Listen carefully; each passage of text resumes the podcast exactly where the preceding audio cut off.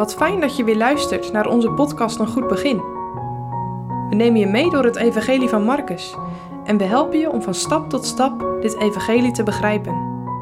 Vandaag met dominee Haring. Vandaag lezen we Marcus 11, de versen 27 tot en met 33. En zij kwamen wederom te Jeruzalem. En als hij in de tempel wandelde, kwamen tot hem de overpriesters en de schriftgeleerden en de ouderlingen. En zeiden tot hem, door wat macht doet gij deze dingen? En wie heeft u deze macht gegeven, dat gij deze dingen doen zoudt? Maar Jezus antwoordende zeide tot hen, Ik zal u ook een woord vragen. Antwoord mij ook, en zo zal ik u zeggen, door wat macht ik deze dingen doe. De doop van Johannes, was die uit de hemel of uit de mensen? Antwoord mij. En zij overlegden onder zich, zeggende, indien wij zeggen, uit de hemel, zo zal hij zeggen, waarom hebt gij hem dan niet geloofd? Maar indien wij zeggen, uit de mensen, zo vrezen wij het volk, want zij hielden allen van Johannes dat hij waarlijk een profeet was.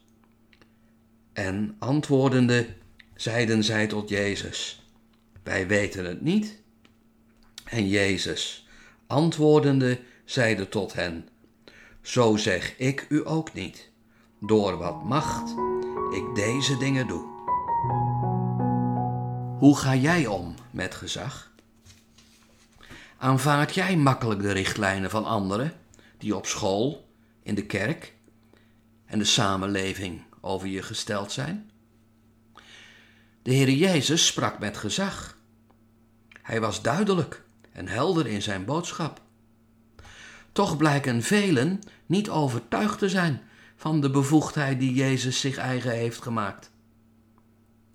Als de Heer in de tempel is aangekomen, hij wandelt in de voorhof, komt er een officiële delegatie van overpriesters en schriftgeleerden en ouderlingen tot hem.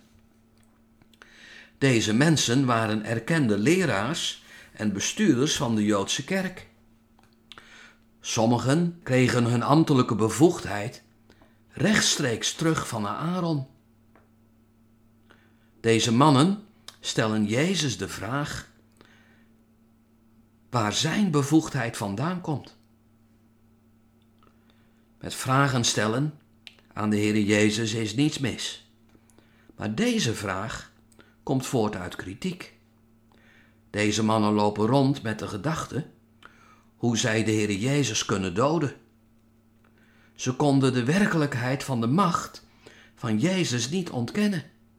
De wonderen die Jezus deed, heel zijn manier van handelen, alles getuigde van hemels, goddelijk gezag. Pas nog de opwekking van Lazarus. En nog korter geleden het wegsturen van de kopers en de verkopers uit de tempel. Ook konden ze niet zeggen dat zijn leer niet klopte met de boeken van Mozes en de profeten. Niets konden ze vinden in zijn leven dat verkeerd en zondig was. Daarom gooien ze het over een andere boeg. Wie heeft u de bevoegdheid gegeven deze dingen te doen? Als we eerlijk zijn, dan kunnen we de kritische vraag van deze, deze Joodse mannen ook wel een beetje begrijpen.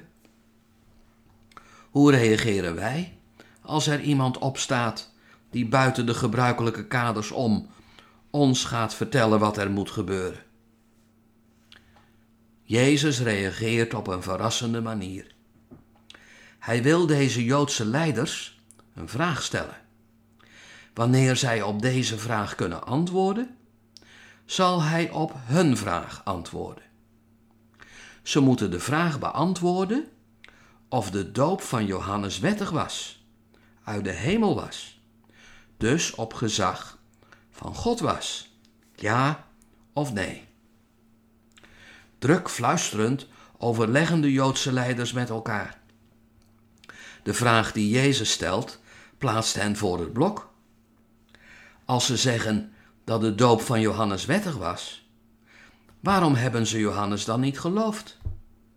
En als ze zeggen dat de doop van Johannes onwettig was, vrezen ze de mensen tegen te krijgen. Want velen geloofden dat Johannes een door God gestuurde profeet was. Dus antwoorden ze: Wij weten het niet. Daarom zal Jezus ook niet zeggen door wat macht hij de dingen doet. Wil Jezus hun vraag dan niet beantwoorden? De zaligmaker is altijd gewillig om je vragen te beantwoorden. Maar dan moet je niet komen met een slap en laf excuus.